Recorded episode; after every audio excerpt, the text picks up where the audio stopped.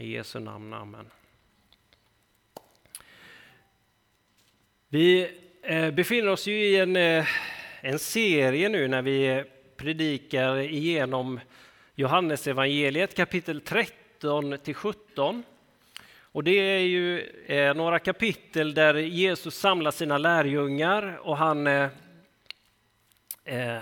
han äter med dem och han talar med dem och han betjänar dem och han ber för dem eh, inför korsfästelsen, inför lidandet, inför det stora, om man säger så. Eh, och han förbereder dem för det. Och vi har kommit fram till eh, Johannes 14, vers 1 till 14. Så vi läser det. Och då säger Jesus så här. Låt inte era hjärtan oroas. Tro på Gud och tro på mig. I min fars hus finns många rum. Om det inte vore så skulle jag då ha sagt er att jag går bort för att bereda plats för er. Om jag nu går bort och bereder plats för er så ska jag komma tillbaka och hämta er till mig för att ni ska vara där jag är. Och vart jag går, det vet ni, den vägen känner ni. Thomas sade, Herre, vi vet inte vart du går, hur kan vi då känna vägen? Jesus sade till honom, jag är vägen, sanningen och livet. Ingen kommer till Fadern utom genom mig. Har ni lärt känna mig ska ni också lära känna min far. Nu känner ni honom och har sett honom. Filippus sade, Herre, visa oss Fadern så räcker det för oss. Jesus svarade, så länge jag har varit hos er och du har inte lärt känna mig, Filippus. Den som har sett mig har sett Fadern. Hur kan du säga visa oss Fadern? Tror du inte att jag är i Fadern och att Fadern är i mig? Orden jag talar till er säger jag inte av mig själv. Fadern bor i mig och gärningarna är hans verk. Tro mig, jag är i Fadern och Fadern är i mig. Och kan ni inte det, tro då för gärningarnas skull. Jag säger er sanningen, den som tror på mig ska göra de gärningar som jag gör. Och större än så ska han göra, för jag går till Fadern. Vad ni än ber om i mitt namn ska jag göra, för att Fadern ska bli förhärligad i Sonen. Om ni ber om något i mitt namn ska jag göra det. Så lyder det heliga evangeliet. Lovad vare du, Kristus. Jesus kommer med Guds rike. När han kommer in i världen så kommer han med Guds rike. Han säger det gång på gång. Han säger det när han kliver in i sin tjänst. Han säger här är Guds rike, här är jag, här är omvänd er och tro. Guds rike är här och han visar på det, han presenterar sig, han gör Guds rikes gärningar. Han visar på hur det är där Gud är kung. Han uppenbarar Faderns vilja. Och han säger det här, att den som har sett mig har sett Fadern. Han visar hur det är där Fadern är. Och Det är återkommande grej i Johannes evangeliet att Jesus säger att så här ser det ut när, far, när ni möter Fadern. Och det säger han ju till Filippos här att har du inte förstått att när du möter mig så möter du Fadern, du möter Faderns hjärta, du möter Faderns vilja. Jag och Fadern är ett. Där jag är, där ser du Fadern personifierad. Jag gör det som, som ligger på Faderns hjärta. Sonen kan inte göra någonting annat än det som Fadern visar honom. Han är fullständigt ett. Han gör bara det, han säger bara det som ligger på Faderns vilja. Det som sker i himlen, det gör Jesus. Det som ligger på Faderns hjärta, det visar han på. Han sätter människor fria. Han talar ut det som, det som ligger på himlens agenda, det som ska sägas i den situationen. Han gör fångarna fria. Han kommer med himlen på jorden. Och så säger han då, låt inte era hjärtan oroas. Tro på Gud och tro på mig.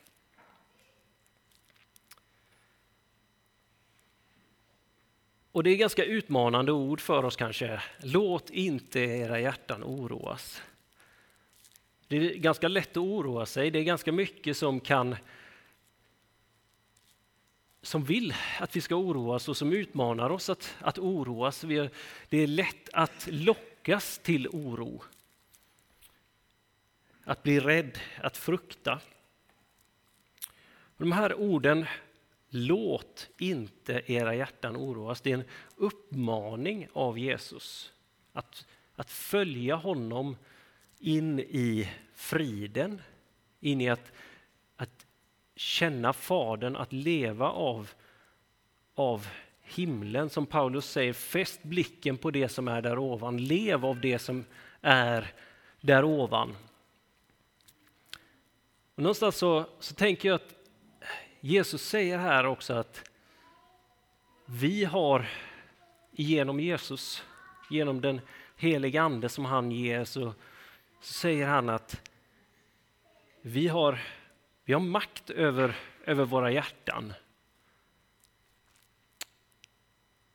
Som Paulus också säger att vi ska leva i sinnesförnyelse. förnyelse och ta varje tanke som en lydig fånge.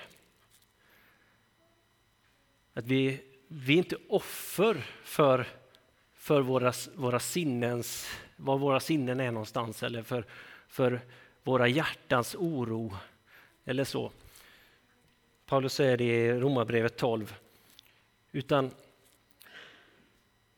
vi har genom att vi har blivit Guds barn, genom att vi har förts in i hans underbara ljus så, så har vi fått hjärtan av, av kött som Gud har lagt sin lag i.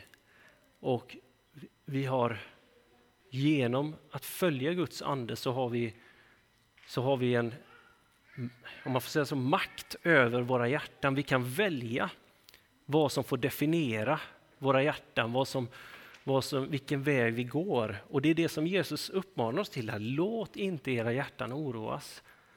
Fäst våra hjärtan vid vid Guds väg. Tro på Gud och tro på mig. Gå den vägen, det som Jesus säger, jag är vägen. Jag är sanningen, jag är livet. När vi går den vägen, när vi följer honom. Tro handlar om att, att jag väljer att gå efter honom. Att jag sätter min lojalitet, min tillit, min efterföljelse till honom. Låter honom fylla mig, definiera mig och bekänner honom som Herre och ställer mig under honom.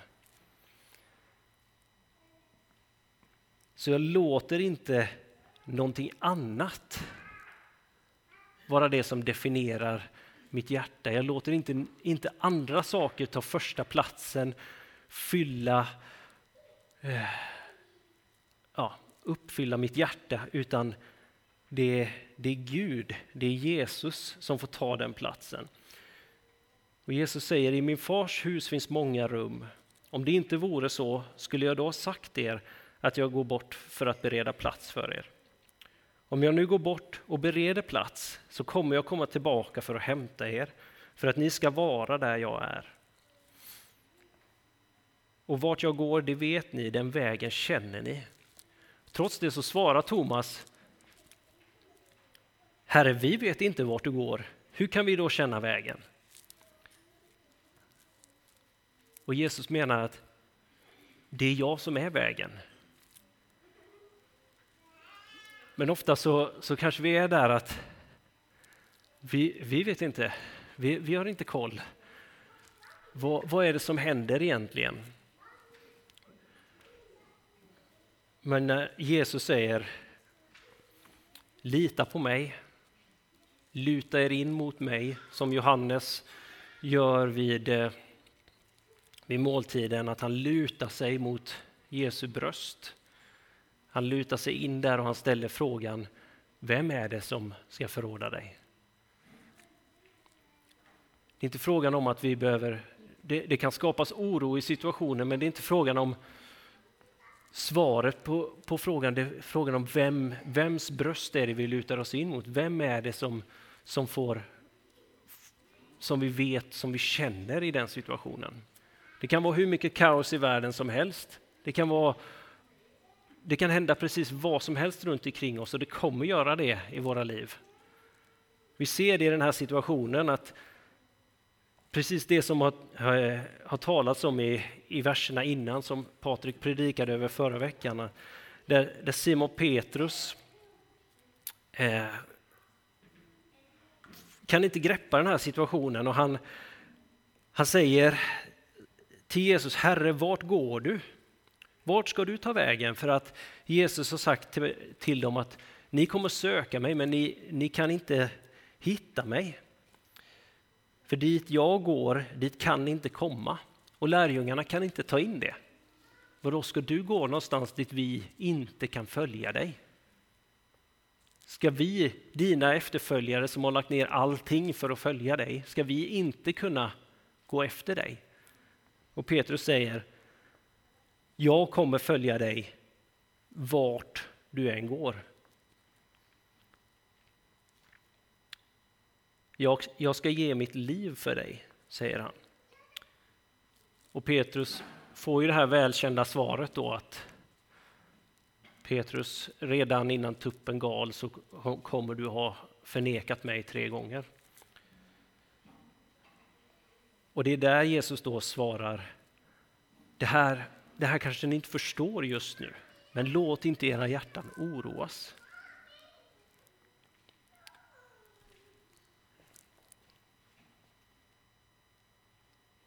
Har ni lärt känna mig så ska ni också lära känna min far.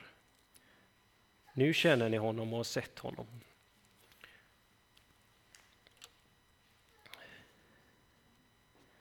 Och jag tänker att vi, vi har många stunder eh, när det inte har blivit som vi har trott eller som vi har hoppats. Eh, och som vi var inne på, att vad, vad, som, vad är det egentligen som pågår här just nu? Vad är det som, som händer? Eh, och kanske ställer vi sådana här förvirrade frågor som lärjungarna gör i den stunden. Varför kan vi inte följa dig? Varför, varför kan jag inte följa dig i den här stunden? Herre, vart ska du? Och så ropar vi ut att jag kommer aldrig låta det här ske som håller på att hända just nu. Det här som eh, verkar konstigt i den här situationen. Jag kommer aldrig låta det ske. Det här som uppdagas framför, framför mig eller framför oss. Det kan vara familjesituationer, konflikter eller situationer i församlingar, besvikelser när vi tror att Gud har på något sätt talat om någonting men så verkar det som att det här, det blir inte som vi har tänkt oss. Kanske ett äktenskap som går i kras. Eller massa andra saker där vi bara står och undrar vad är det här egentligen som, som händer nu? Och jag tror att Jesus lär oss genom hela de här kapitlen egentligen, men också i, i de här verserna då, eh, att han, han är inte bara mitt i det. Eh, han behöver inte ha orsakat det, men han är han är där och han bjuder in dig och mig att, att tro mitt i det. Och tro behöver inte innebära att vi ska ha en, eh, en stark tro på att trots att vi inte ser genombrottet så kommer genombrottet. Utan tro innebär att vi lutar oss in till honom. Att vi, vi, möter, vi kastar oss på honom trots att eh, livet går i kras trots att eh, det här, jag förstår inte vad människor gör. De är ju helt knasiga. Men han bjuder in dig och mig till det, att inte eh, definieras av kaoset och stormen runt omkring, utan att Jesus är där Han står mitt i detta och säger Låt inte ditt hjärta oroas. Låt dig inte fyllas och definieras av, av allt det här som nyheterna slänger på dig, som händer i din familj, som händer i, på ditt jobb eller i, i församlingen till och med. Låt inte det vara det som definierar dig, utan tro på Gud och tro på mig. För jag går och bereder plats för dig. Jag går och och min fars hus har så många rum. Och jag går för att bereda plats och jag kommer för att, att hämta er. Jag har allting i mina händer. Oroa er inte. Vilka fantastiska ord att få höra. Och Och Jesus säger ju de här orden som vi upprepar, men att Jesus säger att jag är vägen, jag är sanningen och jag är livet. Och de kan vi gilla att säga, men de är svårare att säga när vi själva inte får ihop det. Att bekänna det till honom när, när jag inte fattar, när jag inte när, jag, när jag, det faktiskt handlar om att nu behöver jag lita på honom. Nu behöver jag eh, gå och luta mig mot honom, att hålla mig till honom trots att det är, det är jobbigt för mig. Trots att jag, mitt liv inte går ihop, trots att eh, jag kanske behöver hålla mig till, till människor. Att eh, ja, det här, jag förstår inte hur det ska hålla. Lärjungarna förstod inte hur det här ska hålla om Jesus går ifrån dem. Men han säger till dem, jag är vägen, sanningen och livet. Och ingen kommer till Fadern utom genom mig. Men det är det som Jesus säger. Det är det som han alltid säger. Han kommer till oss, till dig och mig, idag. Och han bjuder in oss att, att fullständigt lita på honom. Att lägga våra liv i hans händer att tro honom om den han är. Att tro att det som han säger i de här verserna är sant. Oavsett hur mitt liv ser ut, hur min historia ser ut. Hur jag ser på, på framtiden.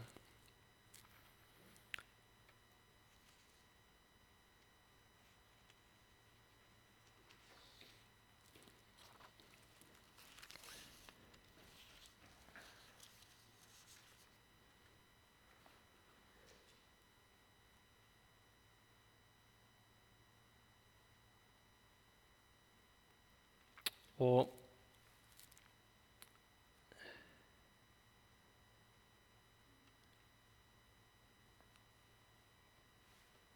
Det finns något väldigt, någon väldig frihet och något väldigt förlösande i det här att Thomas och Filippos, liksom de, i de här verserna så, så kommer de till Jesus och de, de förstår inte, de, de slänger ur sig de här frågorna. Herre, vi vet inte var du går. Hur kan vi då känna vägen? Och Filippus, han får höra Jesus säga att han är vägen, sanningen och livet. Men sen så ber han ändå Jesus, Herre visa oss Fadern, så räcker det för, för oss. Och så, så svarar Jesus, så, här länge, jag, så länge har jag varit hos er och du har inte lärt känna mig Filippus. Den som har sett mig har sett Fadern. Och någonstans så visar ju det här, tänker jag då, att vi behöver inte vara, vara färdiga. Vi behöver inte veta allting, vi behöver inte kunna allting när vi går med Jesus. Vi behöver inte ha, ha alla svaren, vi behöver, vårt liv behöver inte vara se perfekta ut. Det är inte det som det handlar om, vår efterföljelse. Självklart så leder Jesus oss in i sanningen, in i mer kunskap om honom, in i, att, in i helgelsen, att, att bli lika honom, få, få, om man får säga så, våra liv mer i ordning. Eh, han helar oss, han upprättar oss. Men vandringen med honom handlar om det här att få liksom ställa frågorna till honom. Att riktningen är, är det som är det viktiga. Att vi, vi faktiskt har sagt till honom att jag vill gå med dig. Jag vill förstå, jag vill göra som du och jag vill lämna, lämna det som inte är likt dig. Jag vill hålla mig till dig, jag vill luta mig in, jag vill finnas där du finns. Och, och jag vill förstå. Det är så lätt att den här stoltheten smyger sig in. Där vi på något sätt tänker att nu, jag, nu ska jag vara färdig. Nu ska jag vara tillräckligt duktig för att kunna ställa den här frågan, till och med i min egen tid med, med Jesus. Det är inte okej okay längre att ställa den här frågan eller att, att ha det här problemet i mitt liv. Och ännu mindre att kunna göra det som en församling, som en gemenskap. Att visa på att det här är en brottning i mitt liv. Det här är något som jag kämpar med eller det här, det här har jag inte riktigt fattat. Hur hänger det här ihop? Men när vi får göra det tillsammans, när vi får göra det till Jesus och, och med varandra. För att vi älskar honom, för att vi, vi litar på att han är den som har livet. Han är vägen, vi är vägens folk. Då kommer han leda oss in i sanningen, han kommer leda oss till livet. Men när vi väljer att hålla det inne i, i mörkret, när vi döljer det för, att, för skam och skuld och eh, ja, stolthet, då, då växer det och, och, och då, då får vi jobba i, i egen kraft.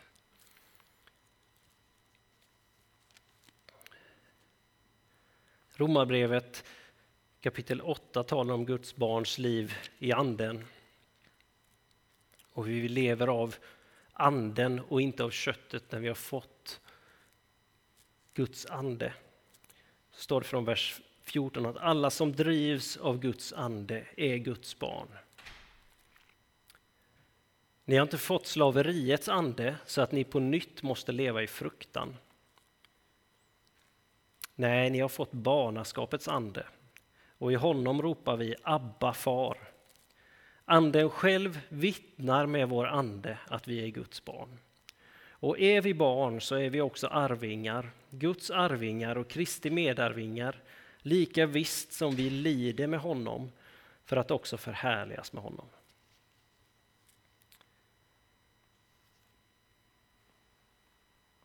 Jag tänker att det sätter ord på ganska mycket av det som, som vi har talat om, att Guds ande driver oss, att han har, har gjort oss till sina barn. Och det är inte slaveriets ande det som gör att vi måste leva i fruktan. Frukten och oron och rädslan kommer alltid försöka tvinga in oss under slaveriets ok. Men det är inte det som får fylla vårt hjärta, utan vi får komma till Jesus och bekänna honom som Herre.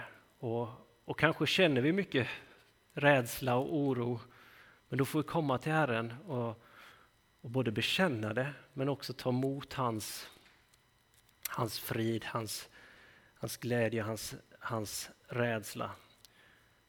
Och när man säger det så här så kan det låta så enkelt, men eh, jag förstår att det, är, att det är en kamp, det är en utmaning, men Herren leder oss tillsammans på hans, hans väg in i friheten.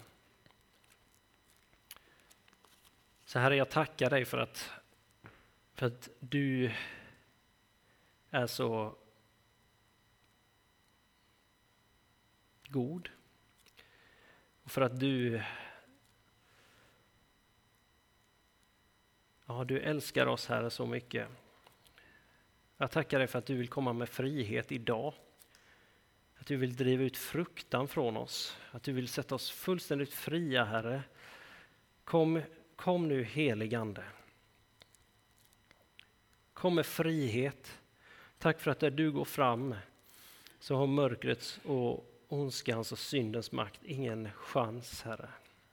Att du har tagit allting på dig.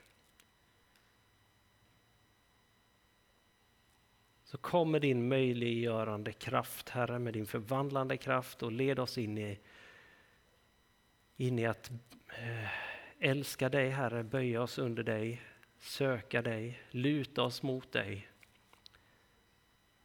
Låt oss få vila under dina vingars skugga. Luta oss mot ditt bröst, mot ditt hjärta och fyllas av, av dig, Herre. Du är värdig. Du är värdig. Och tack Herre för att du visar oss Fadern.